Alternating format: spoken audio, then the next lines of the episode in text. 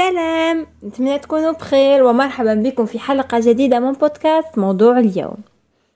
في الحقيقة إنني مريضة قليلا ولكن موضوع اليوم شجعني كثيرا لكي أتحدث معكم من خلال هذه الحلقة.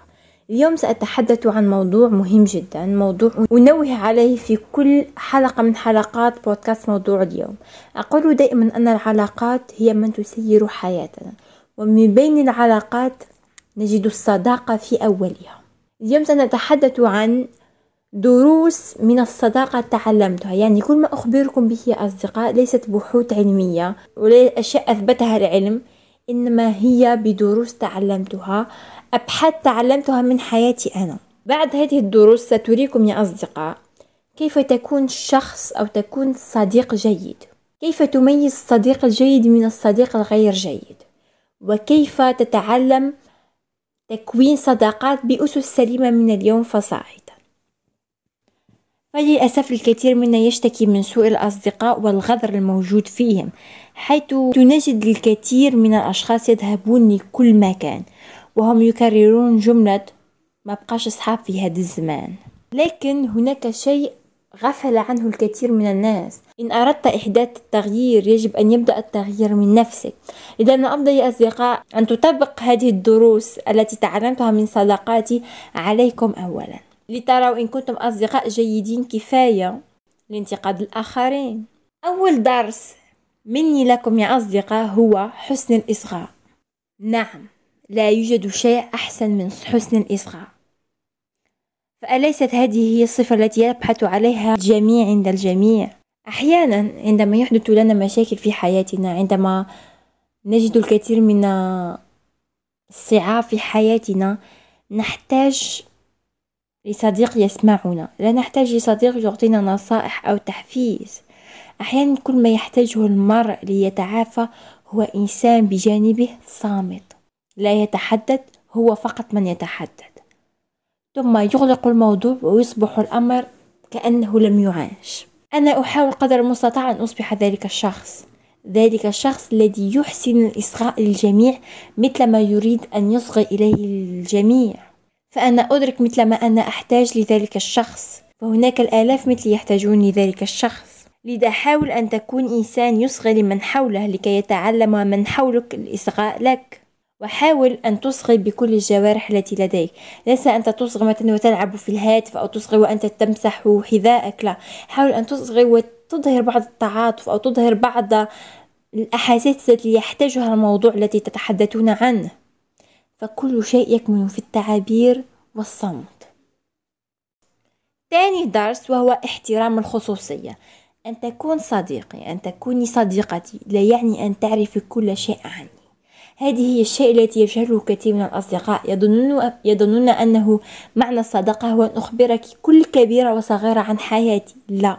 لذا تاني ميزة يجب أن تكون عند كل الأصدقاء هو احترام الخصوصية.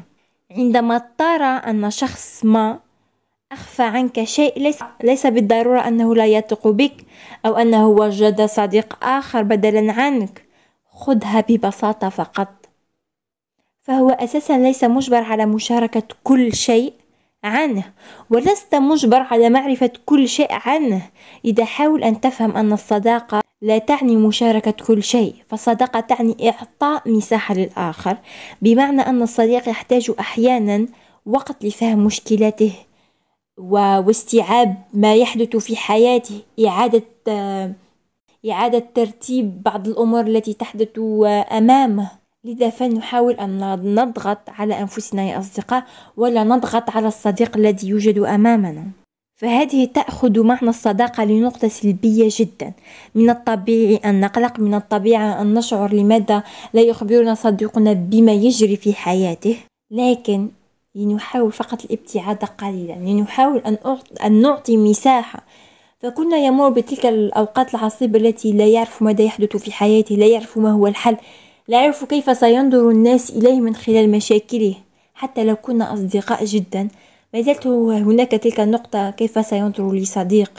يا أصدقاء لنعطي لأنفسنا ولأصدقائنا. ليس بعض الوقت الكثير من الوقت ليفهموا مشاكلهم ليحلوها. وعندما يكونوا مستعدين لمشاركة الأشياء معنا ليشاركوها. لا دعنا لا نجعلهم مجبرين على المشاركة.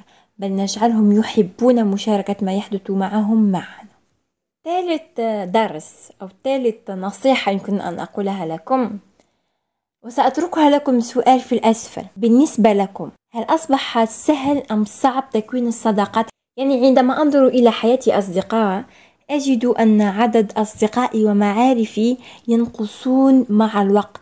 يعني بمقارنة ب 2018 عدد أصدقائي قد قل 90% حتى معارفي. يعني لم أعد بتلك القابلية لتكوين الصداقات كما كنت سابقا على الرغم من أني معروفة بكوني اجتماعية ليست مسألة أنني أجد صعوبة في تكوين الصداقات بل أصبحت أبتعد أو أحاول أن يبقى معي فقط القلة القلائل الذي حقا يفهمونني.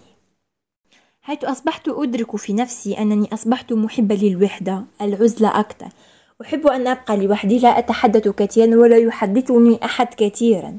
فلم تعد تغويني يا أصدقاء لا المعارف ولا الأصحاب. ربما بسبب يعني ذكريات السيئة التي عشتها مع الأصدقاء. لكني لا أظن أن هذا عذر يا أصدقاء. كي أقلل من نسبة معارفي ونسبة أصدقائي. فأساسا حتى المشاركة لم أعد أشارك أحد ما يحدث معي في حياتي.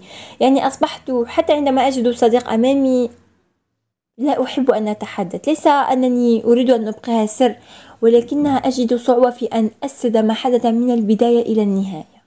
ولكن يا أصدقاء عندما بحثت قليلا حول هذا الموضوع وجدت أن الأمر طبيعي جدا وأن الإنسان عندما يكبر في العمر بسبب التجارب والخبرات التي أصبحت وحدثت معه في الماضي ويصبح تقبل علاقات جديدة في حياته أمر صعب قليلا. لذلك لنحاول فقط مجاراة عمرنا مجاراة الخبرات التي اكتسبناها في حياتنا. فسواء كانت لدينا معارف وأصدقاء كتر أم معارف وأصدقاء بشكل قليل لا أظن أنه سيشكل ذلك الفارق الكبير في حياتنا. فالمهم أن يكون تلك القلة القلائل جيدين جدا معنا. الدرس الآخر يا أصدقاء وهي الغيرة في الصداقة. أظن أننا جميعا حدث معنا تلك نوبات الغيرة من الصديق يعني نعم لا تحدث الغيرة فقط من الحبيب بل تحدث أيضا من الصديق.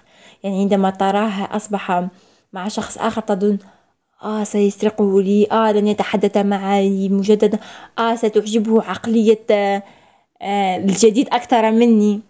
أظن أنها حدث معنا جميعا. ولكن إن كنت تريد أن تكون الصديق الوحيد لصديقك وأصبحت لا تريد أن أن يقترب أي أحد لصديقك هنا تكون تكون النقطة السلبية. وهذه النقطة السلبية ليست فقط في الصداقة بل في جميع العلاقات التي تحكمنا يا أصدقاء. فالغيرة يمكن أن تكون مفتاح إيجابي ومفتاح سلبي لإنهاء أي شيء في حياتنا. فإن زادت عن حدها انقلبت ضدنا. خاصة إن أصبحت هذه الغيرة مفرطة لدرجة التملك فالقليل من الغيرة لا ضرر منها. فبالعكس إنها جيدة للكثير من أن يشعر الصديق الآخر أنك تحبه لدرجة أن تغار عليه. ولكن إن أحس الطرف الآخر أنك أصبحت لديك غيرة مفرطة هنا سيبتعد عنك بشكل بشكل سريع. خامس نصيحة أو درس وهي فخ المقارنة. أظن أنني تحدثت في الحلقات الأولى عن المقارنة وكيف هي شيء لا يدعك أبدا تتقدم للأمام ولكن أريد أن أحدث أن أتكلم ما أكثر حول هذا الموضوع. إن وجدتم من أنفسكم يا أصدقاء تقارنون حياتكم بحياة صديقكم الأقرب. مثلا يا أصدقاء إن كانت صديقتك متزوجة وأنت لا تبدأين في قول لماذا لم أتزوج إلى الآن؟ هل هي أجمل مني؟ وتبدأ تلك المقارنات التي لا معنى لها. أو مثلا كلاكما متزوجتان وأصبحت تقارنين بين حياتكما الزوجية. أو بدأت تقارن هي لديها أطفال وأنا لا. أو بدأت تقارنين بين نجاحاتكما وحياتكما العملية. كل هذه علامات سامة في, في عالم الصداقة. وعندما أتحدث عن المقارنة يا أصدقاء أقصد بها المقارنة السامة التي تدفعك التي تدفعك للوراء تدفعك ليصبح عندك ذلك التفكير السلبي المستمر.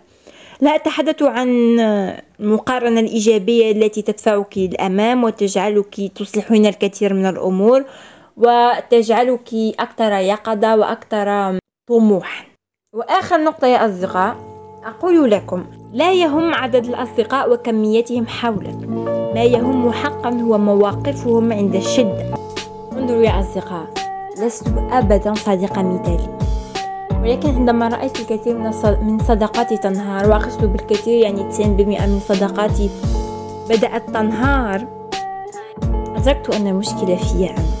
وهذه النقاط قد ساعدتني أكثر في إدراك أخطائي أولا ومحاولة تشكيل صداقات التي تكون أكثر متانة هذه كانت نهاية حلقتنا اليوم ونلتقي في حلقة جديدة إن شاء الله.